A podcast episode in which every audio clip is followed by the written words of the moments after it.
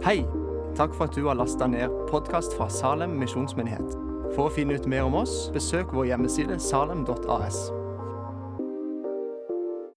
og snakker eh, til galaterne om avguder, så mener han ikke nødvendigvis at de galaterne ikke kjente Gud, for det anerkjenner han at de gjør. Men han setter det å være slave under en upersonlig og ikke-eksisterende avgud i kontrast til åssen det er å kjenne den virkelige Gud. Fordi Paulus ønsker at de skal ha en sunn og riktig relasjon til Gud. Eh, han sier i vers 9 men nå når dere kjenner Gud, ja, mer enn det, når dere er kjent av Gud, hvordan kan dere da vende tilbake til disse svake og fattige grunnkreftene? Paulus han retter på seg så sier han når dere er kjent av Gud. Det som gjør deg til en kristen, det handler ikke så mye om deg, at du kjenner Gud, men at Gud kjenner deg. Paulus gir oss ingen ære for frelsen. Vi fant ikke Gud sjøl engang. Det var han som fant oss. For det handler ikke Frelsen har egentlig ingenting å gjøre med oss og alt å gjøre med Han. Det handler ikke om vår kjærlighet til Gud, men om Hans kjærlighet til oss.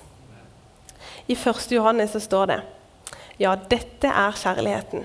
Ikke at vi har elsket Gud, men at Han har elska oss og sendt sin sønn til soning for våre synder. Og i det er det frihet. Det er frihet i at alt ikke handler om oss, om vår kjærlighet til Gud, men om Han og Hans kjærlighet til oss. For all vår kjærlighet er det Gud som har skapt. Han er kilden til kjærlighet i oss. Og vi, hvis vi eksponerer oss for hans kjærlighet til oss, og hvis vi tar inn over oss at han sendte sin sønn i vårt sted, så vil vi, akkurat som et lite barn som i utgangspunktet ikke elsker, automatisk elske vår far tilbake. Kort sagt vi elsker fordi han elska oss først. Vår kjærlighet og vår oppfatning av Gud vil variere og gå litt opp og ned, avhengig av veldig mange ting. Men hans kjærlighet til oss er helt fast og helt konstant. Vår relasjon til Gud handler ikke om våre varierende følelser, men om Guds konstante kjærlighet til oss.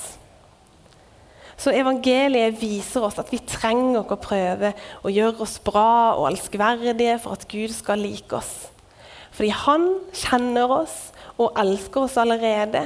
Bak alle fasader, bak alle religiøse aktiviteter.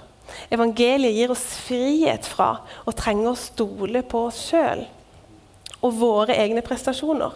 Og Hvis det er sant, så betyr det at vi trenger ikke lage oss avguder for å eh, føle oss bedre. Hvis vi begynner å forstå at vi er kjent av Gud, så vil vi slutte å prøve å styrke selvbildet vårt ved å go gjøre gode gjerninger og prøve å være gode nok for Gud. Vi trenger ikke å tilbe en avgud, for skjønner vi at vi er kjent av Han, så vil vi elske Han tilbake, Han som elsker oss først. Og Paulus han er et forbilde på dette. her.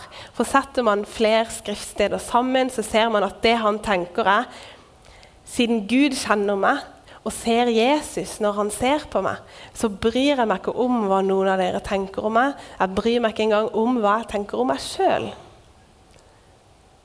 For det handler ikke om oss, hva vi tenker om Gud, eller om hva vi tenker om oss sjøl, eller om hva vi tenker om hverandre. Det handler om Gud og at hans hjerte banker for oss. Og i det er det frihet.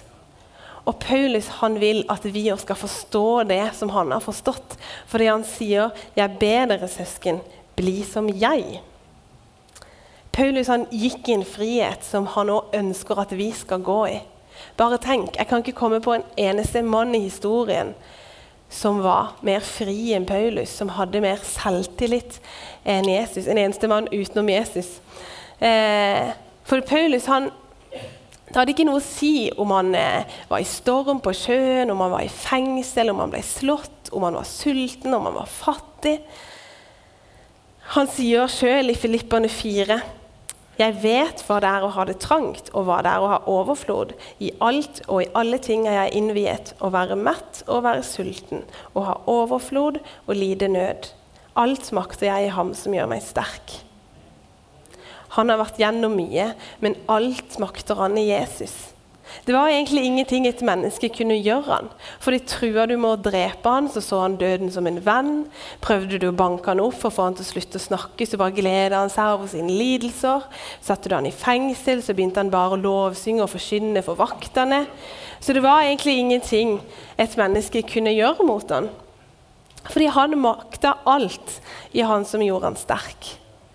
Og i det er det frihet.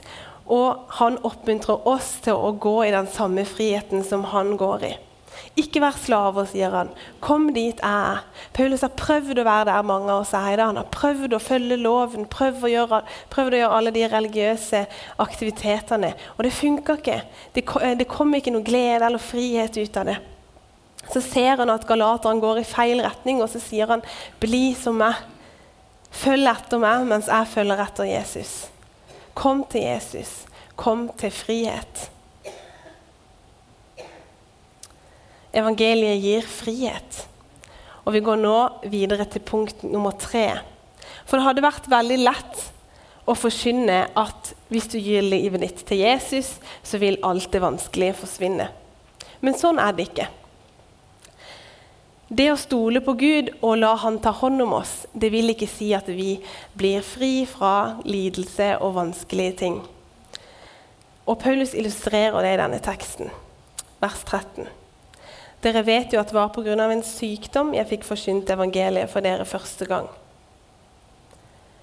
Selv om du elsker Jesus og har gitt livet ditt til han, så vil det fortsatt være dager og perioder hvor du vil ha det vondt. Sånn var det for Paulus òg, som vi ser her av den sykdom. Og trengsler og vanskelige ting er faktisk en del av det å være kristen. Og kristne kan faktisk òg i noen tilfeller oppleve det i større grad enn andre. Både fordi vi hele tida står i en åndelig kamp, men òg fordi Gud noen ganger kan tillate lidelse og vanskelige ting i de kristnes liv.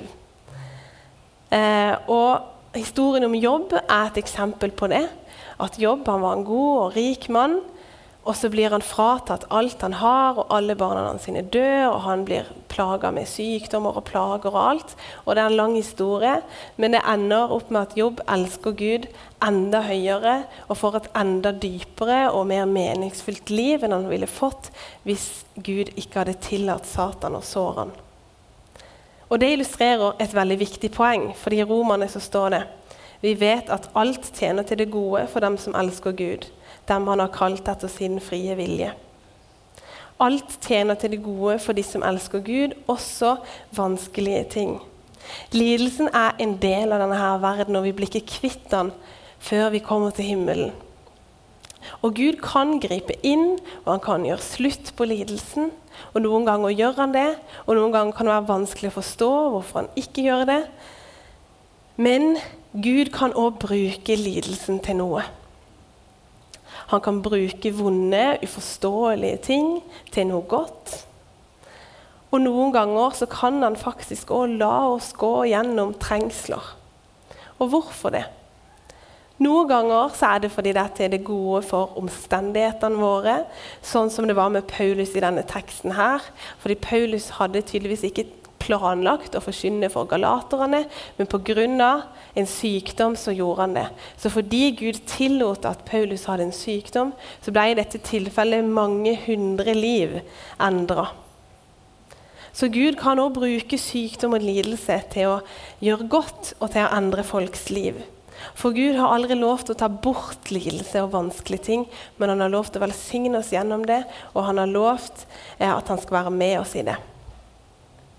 Noen ganger kan han òg la oss gå gjennom vanskelige ting fordi han har lyst til å forme oss og bygge karakter i oss. Og Det betyr ikke at Gud vil oss vondt, eller at han ønsker at vi skal lide, men at han vil det beste for oss på lang sikt.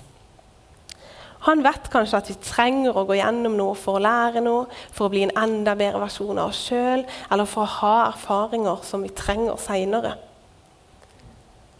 Det kan sammenlignes med foreldre som gir barna sine grenser og konsekvenser. Der og da så kan det oppleves helt forferdelig for barnet. Man skjønner ikke hvorfor de gjør dette mot meg. Er de ikke glad i meg? Hvorfor i huleste lar de meg gå gjennom dette her? Og Foreldrene ser også der og da at akkurat nå så er dette veldig vanskelig for barnet. Men de lar det fortsatt skje. De lar barnet gå gjennom det fordi de tenker større, de tenker mer helhetlig, og de har lyst til å bygge karakter og forme barnet til gode ting på lang sikt. Noen ganger kan det som rammer oss, være noe vi ikke kan noe for, sykdom og ulykker. Men noen ganger kan det òg være konsekvenser av egne feil som Gud lar oss gå gjennom for at vi skal lære. Uansett så kan Gud bruke lidelsen til noe godt. I 2. Korinteren snakker Paulus om at han har en torn i kroppen. For at jeg ikke skal bli hovmodig pga. de høye åpenbaringene, har jeg fått en torn i kroppen, en Satans engel som skal slå meg, for at jeg ikke skal bli hovmodig.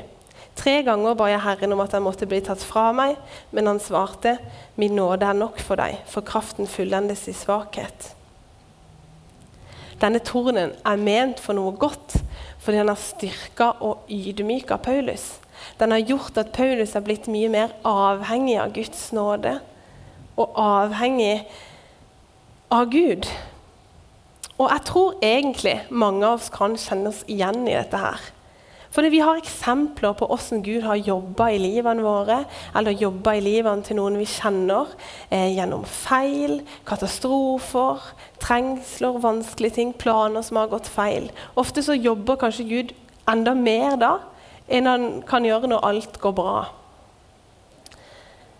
Eh, og jeg opplever i hvert fall veldig at Gud virkelig jobber med meg, bruker meg, bygger karakter, tålmodighet og eh, la meg se hans perspektiv på ting når jeg går gjennom tøffe og vanskelige ting. Og så kan det være veldig vanskelig å tenke sånn når man står midt oppi det og livet er skikkelig vanskelig. Tro meg, det vet jeg. Men jeg tror allikevel at det hjelper å vite det. At midt i det som er vanskelig, så er Gud der. Han ser deg, han bryr, deg om, han bryr seg om deg. Og han vil bruke det vanskelige til noe godt. Fordi han har mer for deg. Du er en del av noe større. Og tenk for et privilegium det er å være en person som Gud har lyst til å jobbe med og forme. Kanskje er det en grunn til at du trenger å gå gjennom akkurat dette. Men så skal ikke vi gå rundt og si til andre at ja, det er sikkert en mening med at du har det vondt. Men vi kan se på det i vårt eget liv og se hvordan Gud jobber i vårt eget liv. At han brukte lidelsen til noe godt, at han inkluderte det vonde i sin plan med oss. Kanskje så kan du se tilbake på det og tenke ja, i det store og i det lange løp så er jeg faktisk glad for at jeg gikk gjennom det, fordi det kom så mye annet godt ut av det. Det vakre med evangeliet er ikke at du alltid får det sånn som du ønsker, men at Gud er på laget uansett omstendigheter. Vi går litt videre i teksten og til det siste hovedpunktet. At vi ikke må la oss lure bort fra evangeliet. Fordi Paulus har forkynt evangeliet, men så har galaterne begynt å fjerne seg fra det og blande det med andre ting. Og det her er kjemperelevant for oss òg, og noe vi må være veldig obs på. Vi leser. Hvor er jubelen deres nå blitt av? Er jeg nå blitt en fiende fordi jeg sier dere sannheten? Den iver disse andre viser dere, er ikke til det gode. De vil bare skille dere fra oss for å vinne dere som ivrige tilhengere. Det er godt at noen er ivrige alltid, og ikke bare når jeg er hos dere, men det må være en iver til det gode. Paulus hadde ikke endra sitt budskap, men galaterens respons til han var endra. Og så kommer Paulus bare Hva skjedde nå? De som i utgangspunktet tok imot evangeliet med glede, de har nå eh, blitt så påvirka av folk som har et annet, helt annet budskap enn Paulus.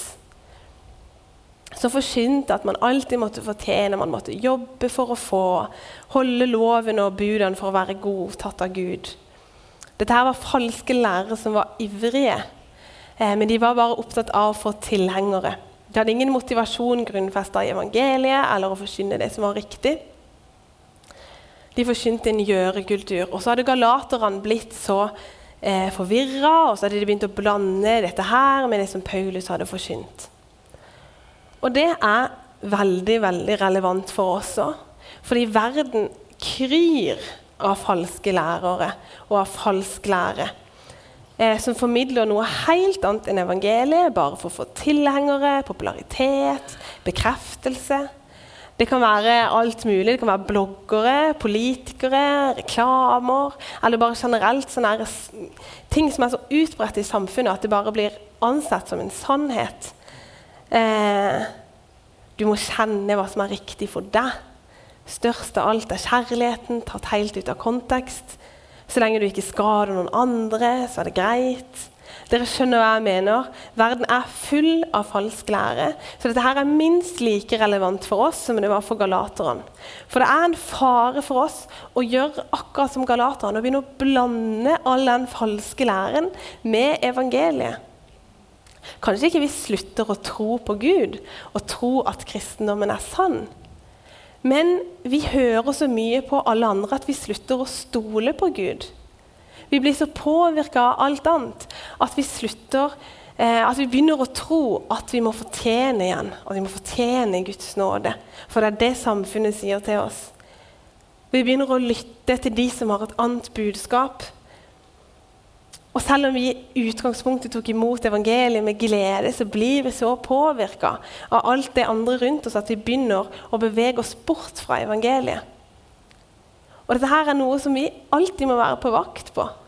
Dette er den kristne kampen. Vi kjemper ikke for å prøve å være gode nok for Gud og for å prøve å få hans favør, men vi kjemper for å holde fast på evangeliet. For ikke la oss påvirke av verden og all den falske læren og alt det det kommer med. Vi må kjempe for å holde oss nær til Jesus og til Guds evangelie. Og det er dette at vi skal holde oss nær til Jesus Paulus mener i vers 19. Mine barn som jeg igjen må føde med smerte til Kristus for skikkelse i dere. Paulus vil at Kristus skal få skikkelse i oss. At vi skal følge Jesus, tilbe Jesus. Paulus prøver ikke å skaffe fans eller tilhengere for seg sjøl, men for folk til å følge Jesus på samme måten som han gjør. Paulus, forkynner ikke det som folk har lyst til å høre, sånn som veldig mange falske lærere gjør. Han forteller sannheten. Og han, og han, skulle gjerne vært mer bekreftende eller snill, eller som han sjøl sier, bruke en annen tone når jeg snakker. Men han vil heller forkynne evangeliet enn å bli likt. For evangeliet er sannheten. Og sannheten kan være brutal og vanskelig for oss. Det kan være noe vi helst ikke vil høre, fordi evangeliet sier jo at vi er ikke gode nok i oss sjøl. Det er ingenting vi kan gjøre. Vi kan ikke fortjene. Uansett hvor mye innsats vi legger ned, så klarer vi ikke å oppnå frelsen sjøl. Og for mange så kan det oppleves støtende. Fordi er det én ting samfunnet sier, så er det at du er god nok. Du er god nok akkurat som du er. Og ja, sammenligner vi oss med andre, så er vi like gode. Men sammenligner vi oss med Gud, så er ingen av oss gode nok. Og så har vi alle sannheter om oss sjøl som vi helst ikke vil høre. Og Guds ord avdekker de. Guds ord blottlegger våre feil og svakheter og avgudsdyrkelser. Og det kan se stygt ut. Men Gud gjør ikke dette her for å skade oss, men fordi han vil det beste for oss. Fordi han vil avsløre de tingene i livet vårt som gjør oss til slaver, og som fører oss bort fra Han. Og for å fikse oss i kraften av Den hellige ånd og Jesus kjærlighet. For vi må huske at nåden og tilgivelsen alltid er rett bak. Guds ord avslører deg ikke for å knuse deg, men for å helbrede deg. Gud ønsker ikke å presse deg hardt, han ønsker å sette deg fri. Uansett hva som er mest behagelig å høre der og da, Til syvende og sist er det evangeliet som gjør mennesker avhengig av Jesus. Det er evangeliet som gjør mennesker mer lik Jesus. Og det er evangeliet som setter oss fri. Så det er evangeliet og den sannheten vi trenger å høre. Jeg skal oppsummere litt til slutt. Et menneskes gud er det man fester sin grunnleggende lit og tillit til. Og For galaterne så var det de gudene de dyrka før, men for oss kan det være berømmelse, karriere, penger osv. Det kan være det det at vi stoler på eh, våre egen fromhet og gode gjerninger. Det som får plass som en gud i livene våre, det kan vi kalle en avgud. Men evangeliet har et budskap om frihet. Frihet fra avguder som ikke kan hjelpe oss. Frihet fra å stole på oss sjøl. Og frihet eh, til å stole på at frelsen handler om Gud og hans kjærlighet til oss, og ikke motsatt. Men evangeliet gir oss ikke frihet fra lidelse. Det fine er at Gud kan bruke de vanskelige tingene til noe godt. Og Noen ganger så kan han òg la oss gå gjennom vanskelige ting, enten fordi det eh, er godt for omstendighetene våre, eller fordi han har lyst til å forme oss og bygge karakter i oss. Alt tjener til noe godt for de som elsker Gud. Til slutt i den teksten så snakker Paulus at vi ikke må la oss lure bort fra evangeliet. Vi må ikke blande all denne falske læren eh, vi får fra verden, med evangeliet, sånn at vi slutter å stole på Gud og begynner å tro at vi må fortjene igjen. Vi må la Kristus få skikkelse i oss. Vi må tåle å la sannheten evangeliet bringer, ransake oss og røre opp i oss og i livene våre, sånn at evangeliet kan sette oss fri. Kanskje lar du penger, karriere, kroppsfokus, fotball eller hva enn det måtte være, få plassen som en gud i livet ditt. Noe du lar styre deg, og de valgene du tar, som blir så viktig for deg at du blir en slave under det. Kanskje bruker du religiøse handlinger og gode gjerninger som frelse, og dermed som Gud. Kanskje lytter du mer til verden enn, det, enn til evangeliet. Jeg tror vi alle har noe eh, i livene våre som egentlig er en avgud. Hvordan responderer du til sannheten? Vil du høre sannheten om deg og om livet ditt, selv om det ser stygt ut? Sannheten om hvilke avguder du har i livet ditt?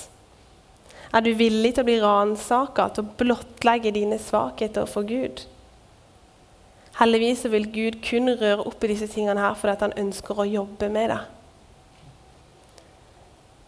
Han vil sette deg fri fra slaveriet, han vil være nær deg, og han vil omslutte deg med nåde og kjærlighet. Han vil sette deg fri. Kjære Gud, jeg takker deg for det.